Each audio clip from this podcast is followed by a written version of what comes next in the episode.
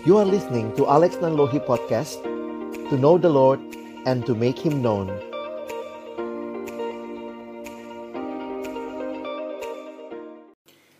Mari sama-sama kita berdoa sebelum kita membaca merenungkan firman Tuhan. Kami kembali datang dalam ucapan syukur malam hari ini. Terima kasih ya Tuhan. Kami boleh bersama-sama bersekutu memuji memuliakan namamu. Menaikkan doa-doa kami kepadamu dan tiba waktunya bagi kami untuk membuka firman-Mu ya Tuhan. Kami mohon biarlah ketika kami membuka firman-Mu, bukalah juga hati kami. Jadikanlah hati kami seperti tanah yang baik. Supaya ketika benih firman-Mu ditaburkan boleh sungguh-sungguh berakar, bertumbuh, dan juga berbuah nyata di dalam kehidupan kami. Berkatilah baik hambamu yang menyampaikan setiap kami yang mendengar. Tuhan tolonglah kami semua. Agar kami bukan hanya jadi pendengar-pendengar firman yang setia, tapi mampukan dengan kuasa dan pertolongan dari rohmu yang kudus, kami dimampukan menjadi pelaku-pelaku firman-Mu di dalam kehidupan kami. Bersabdalah ya Tuhan, kami umat-Mu sedia mendengarnya. Di dalam satu nama yang kudus, nama yang berkuasa, nama Tuhan kami Yesus Kristus. Kami menyerahkan pemberitaan firman-Mu. Amin. Shalom, selamat malam Bapak Ibu Saudara yang dikasihi dalam Tuhan Yesus Kristus. Kesempatan ini Tuhan berikan bagi kita bersama-sama untuk membaca firman Tuhan, merenungkannya dan saya malam hari ini mengangkat tema melayani dalam kasih. Apa yang mau kita pikirkan sama-sama malam hari ini bagaimana mewujud nyatakan kasih itu? di dalam pelayanan kita. Seringkali kasih hanya menjadi slogan, tetapi mari kita boleh melihat kembali betapa pentingnya kasih menjadi dasar di dalam pelayanan kita. Nah, Bapak Ibu Saudara yang dikasihi Tuhan, beberapa ayat firman Tuhan yang nanti akan kita baca dan renungkan, tapi saya ingin mulai dengan mengajak kita menyadari terlebih dahulu siapakah manusia, siapakah diri kita di hadapan Allah pencipta kita. Ketika Allah menciptakan kita di dalam Kejadian pasal pertama ayat yang ke-27 dikatakan Allah menciptakan manusia menurut gambar Allah. God created man in his own image.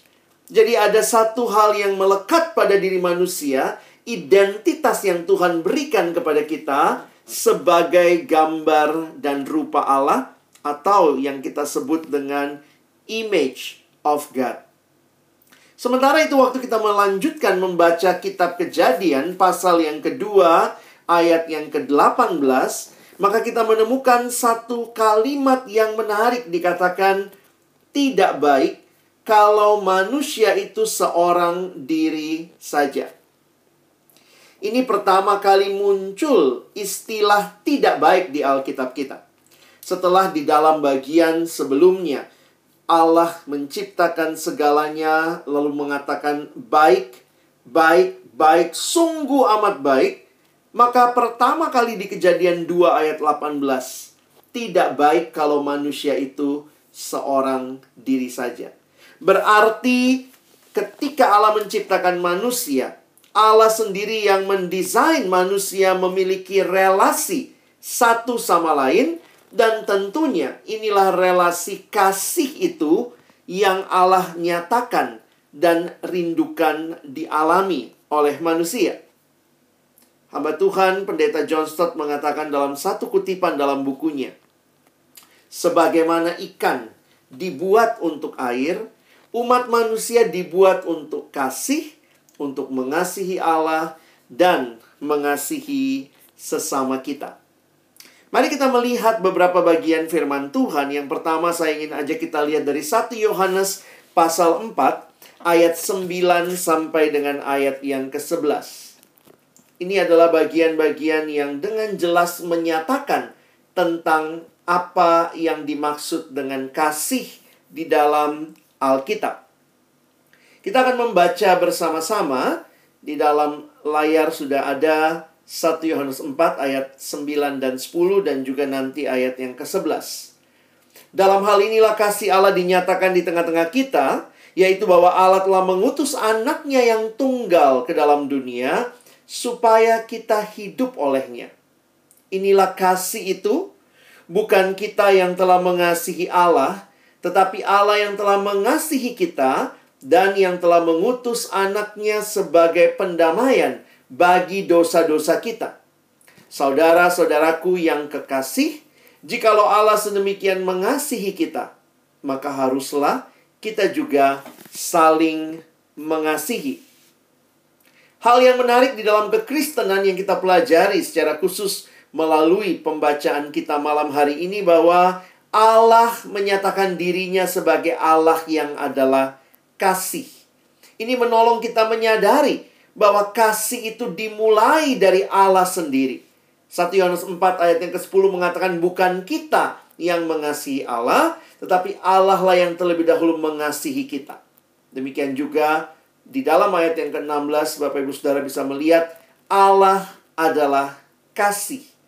Jadi kalau kita mau belajar tentang kasih, kita tidak belajar dari drama Korea, dari lagu-lagu yang romantis, dari film-film Hollywood, tetapi marilah kita belajar dari Allah yang adalah kasih adanya, Allah yang menyatakan kasihnya kepada kita. Nah, Bapak Ibu Saudara yang dikasihi Tuhan, saya ingin kembali mengajak kita melihat ayat-ayat yang kita baca tadi.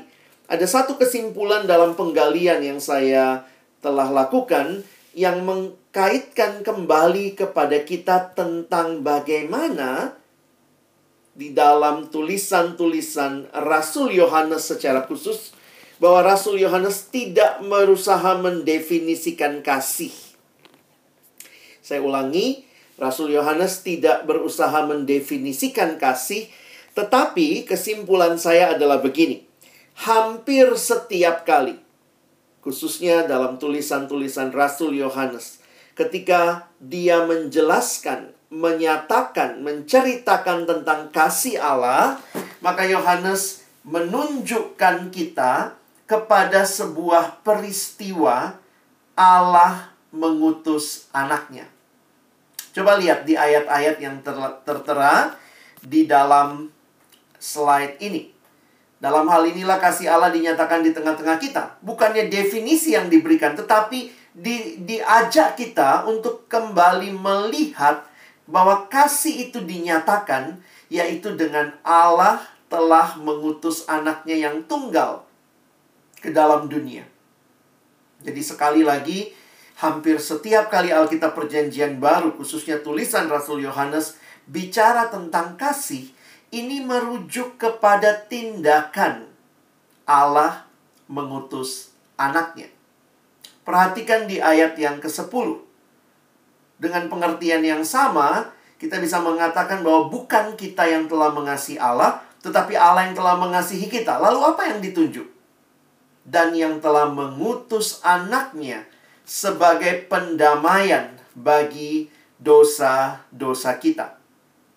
Rasul Yohanes tidak memberikan kepada kita definisi kasih, tetapi menunjuk kepada apa yang Allah lakukan. Bukti kasihnya kepada kita.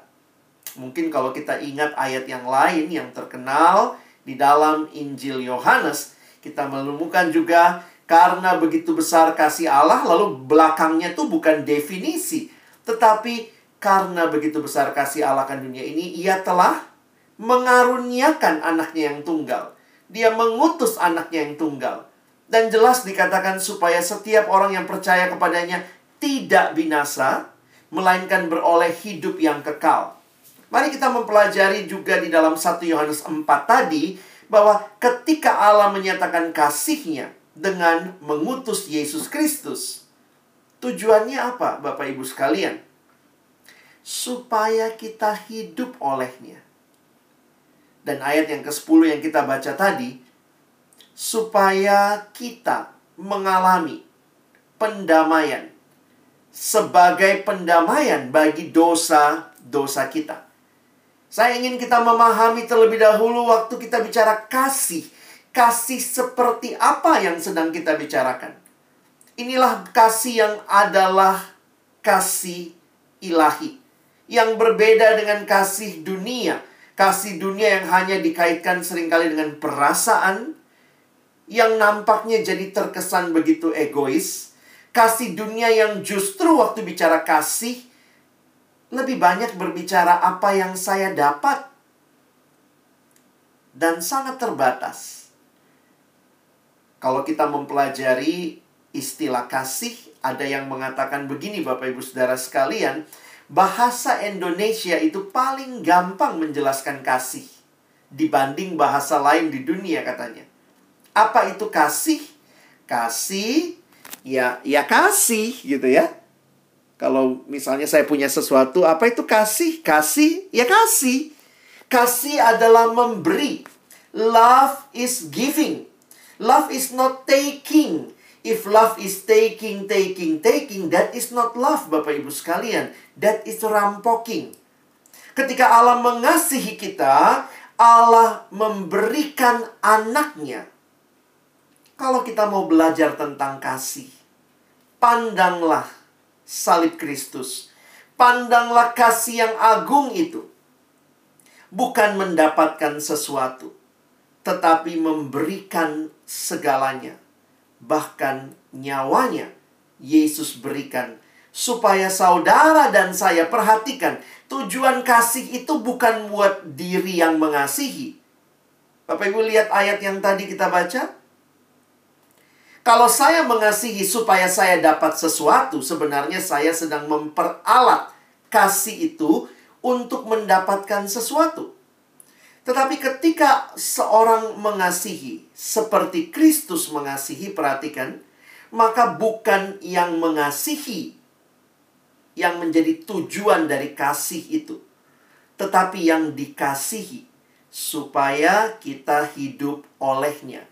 Dalam dosa kita mati, di dalam Kristus kita mengalami kasih supaya kita hidup olehnya. Di dalam dosa kita seteru-seteru Allah tetapi di dalam kasih Kristus yang nyata itu, pendamaian bagi dosa-dosa kita. Jelas sekali berbeda dengan dunia.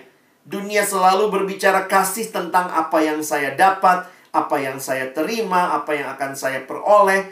Tetapi waktu berbicara kasih dari apa yang ditunjukkan oleh kitab suci, pandanglah kepada Allah yang telah memberi memberi. Memberi. Saudara sering kali bicara kasih katanya yang paling mirip sama kasih Allah itu katanya kasih orang tua ya. Ya, walaupun juga orang tua tentu manusia yang jatuh dalam dosa terbatas juga kasihnya. Tetapi kalau dibandingkan banyak orang yang mengatakan tuh seperti orang tua tuh, kasih yang benar-benar memberi.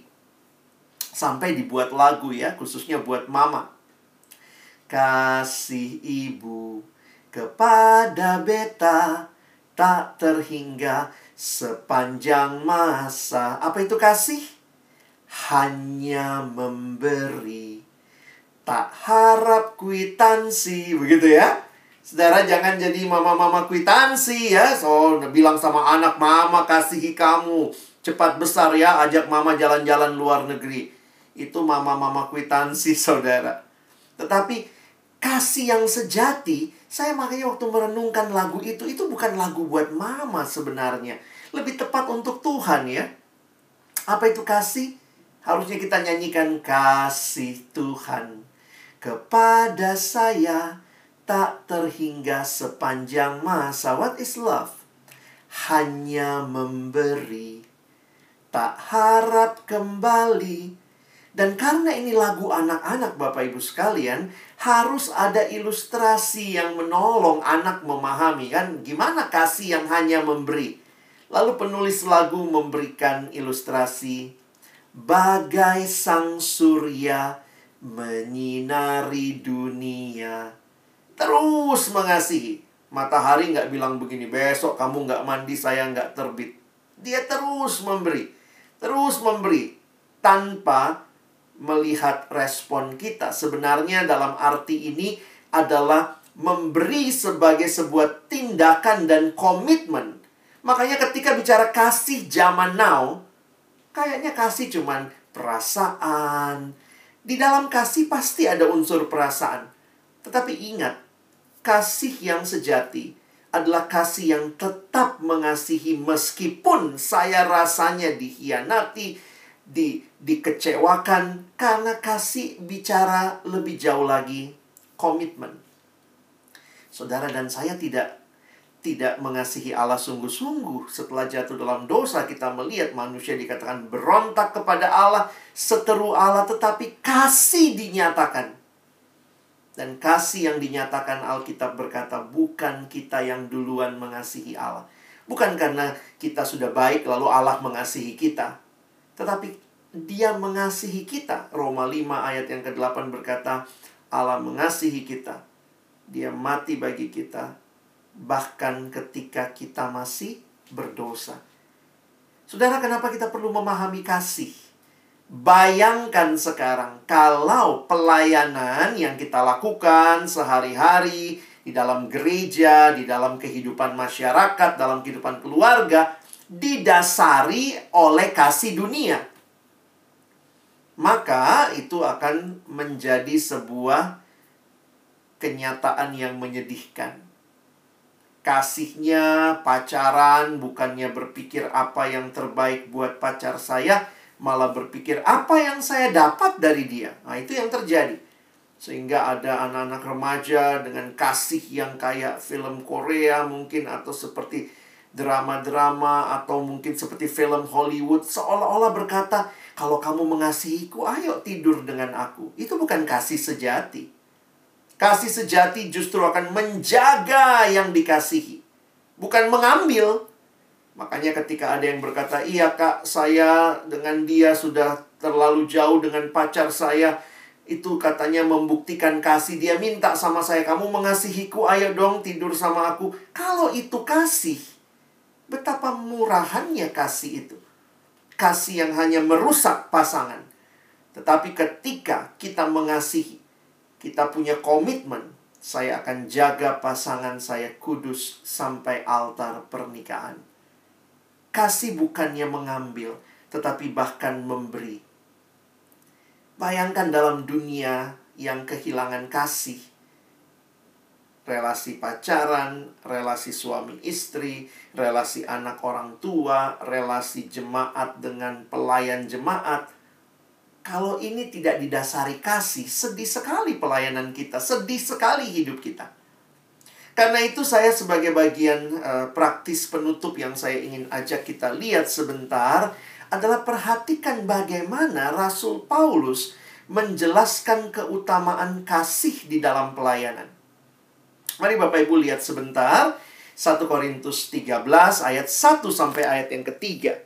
Mari kita perhatikan bersama apa yang disampaikan di dalam ayat ini. Ini adalah jemaat Korintus, jemaat kaya karunia.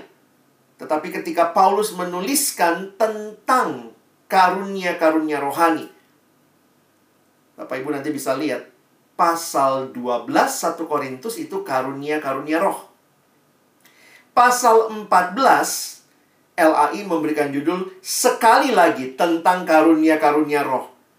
Tetapi menariknya pasal 13 kalau Bapak Ibu pernah makan sandwich roti lapis gitu ya, maka ini seperti sandwich perikop ini. 1 Korintus 12-nya bicara karunia, 1 Korintus 14-nya bicara karunia, lalu tiba-tiba Paulus bicara satu hal yang menarik nih. Tentang kasih. Di akhir pasal 12, Paulus bahkan berkata, Aku akan menunjukkan bagimu jalan yang lebih utama lagi. Lalu dia mulai masuk ke pasal 13. Pasal 13 berbicara tentang kasih. Kadang-kadang kita lupa bahwa pasal ini bukan soal pernikahan pada awalnya ya. Tetapi bicara kasih di dalam jemaat. Khususnya di dalam mempraktekkan karunia-karunia rohani yang dituliskan di pasal 12, pasal 14 ya kalau kita kaitkan dengan pernikahan karena memang di dalam pernikahan pun butuh kasih yang seperti ini. Tapi bukan cuma itu, saudara. Di dalam keseharian jemaat juga butuh. Nah, kita lihat ya ayat yang pertama. Sekalipun aku dapat berkata-kata dengan semua bahasa manusia dan bahasa malaikat. Baru saja di atas Paulus bicara bahasa roh, lalu dia katakan kalau saya bisa bicara dengan semua bahasa manusia dan bahasa malaikat, tetapi jika aku tidak mempunyai kasih, aku sama dengan gong yang berkumandang dan canang yang gemerincing. Ayat 2. Sekalipun aku mempunyai karunia untuk bernubuat dan aku mengetahui segala rahasia dan memiliki seluruh pengetahuan. Wow, ini sempurna sekali karunianya. Dan sekalipun aku memiliki iman yang sempurna untuk memindahkan gunung. Wow, ini bahkan bisa melakukan mujizat Bapak Ibu ya. Imannya sempurna memindahkan gunung. Tetapi jika aku tidak mempunyai kasih, aku sama sekali tidak berguna. Ayat 3. Dan sekalipun aku membagi-bagikan segala sesuatu yang ada padaku, bahkan menyerahkan tubuhku untuk dibakar, tetapi jika aku tidak mempunyai kasih, sedikit pun tidak ada faedahnya bagiku. Saudara, waktu saya merenungkan bagian ini, kasih apa yang Paulus maksudkan? Nah, saya meyakini kasih seperti yang tadi kita sudah pelajari di dalam tulisan Rasul Yohanes. Dan bagaimana kasih itu mewujud nyata juga di dalam pelayanan, di dalam gereja Tuhan.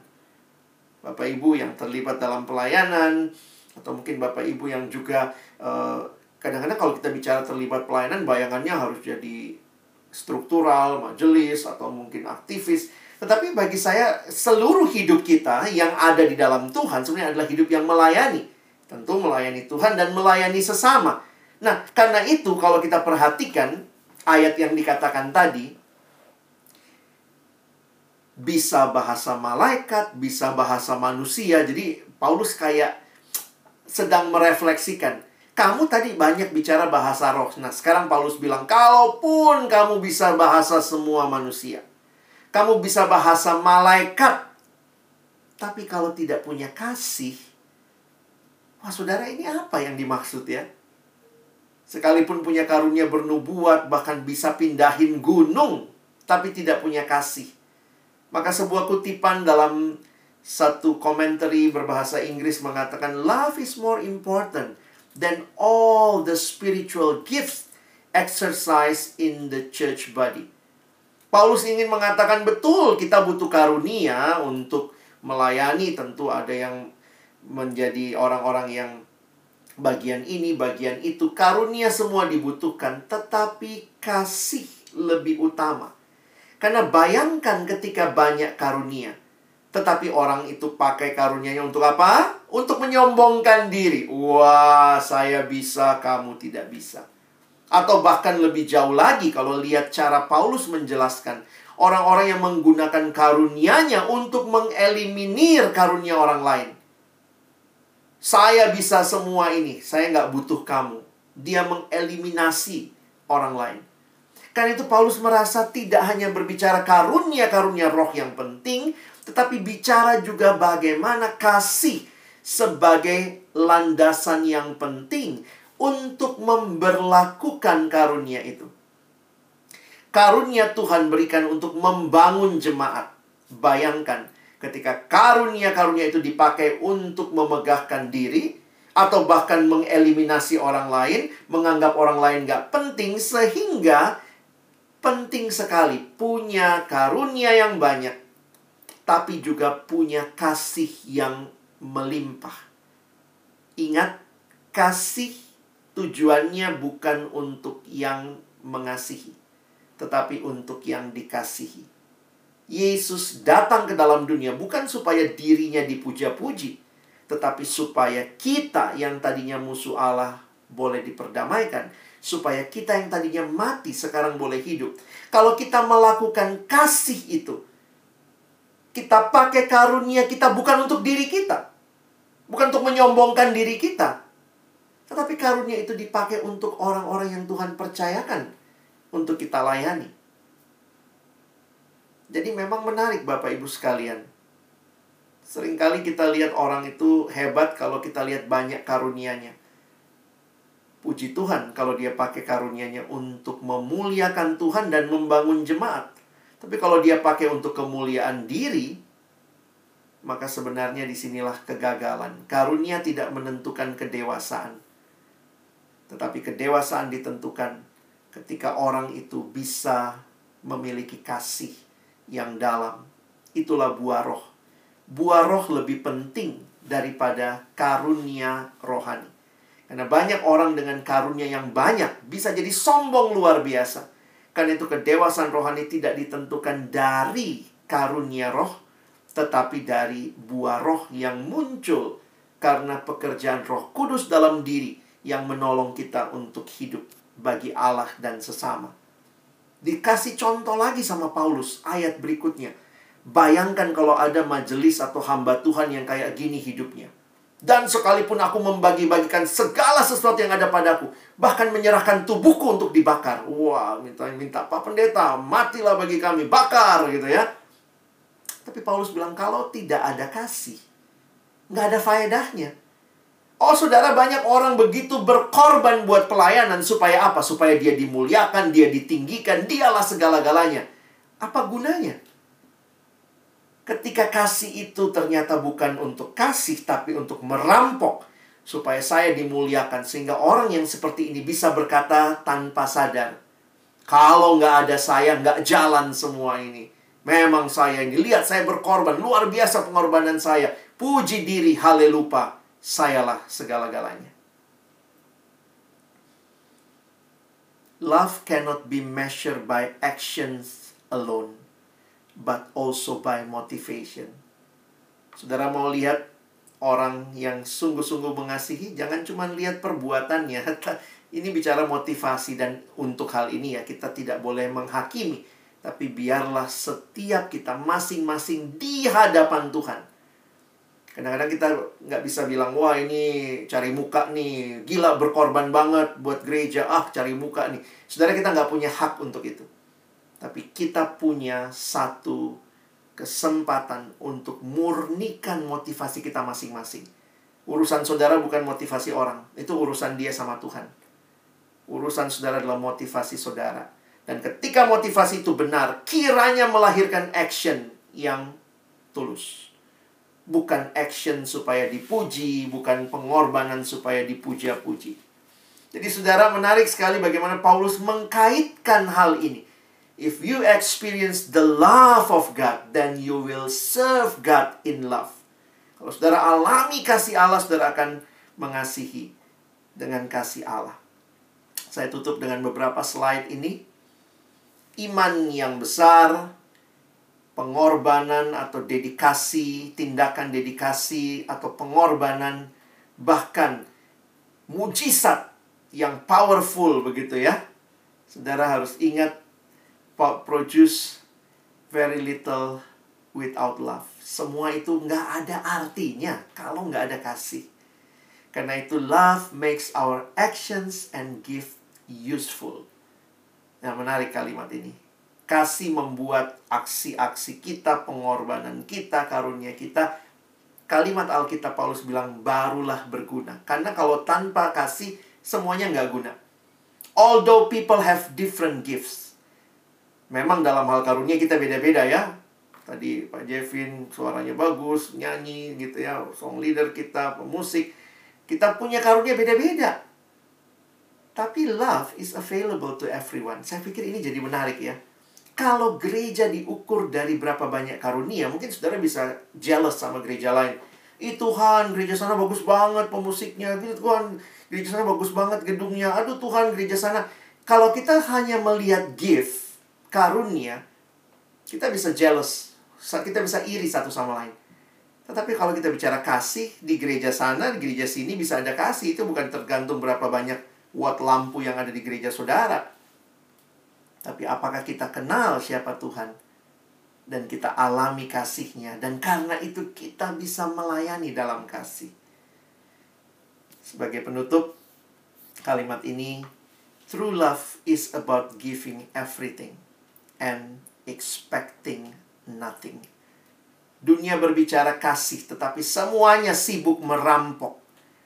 Karena itu jangan heran, ada juga orang-orang masuk pelayanan bukannya memberi kepada Tuhan dan jemaat, ngerampok. Karena apa? Dia memakai pelayanan untuk kemuliaan diri, untuk dapat kepuasan.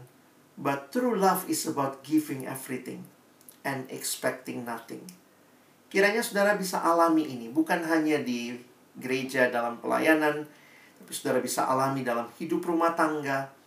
Kalau saudara punya pasangan, baik yang masih pacaran, yang sudah menikah, biarlah saudara mempraktekkan kasih ini.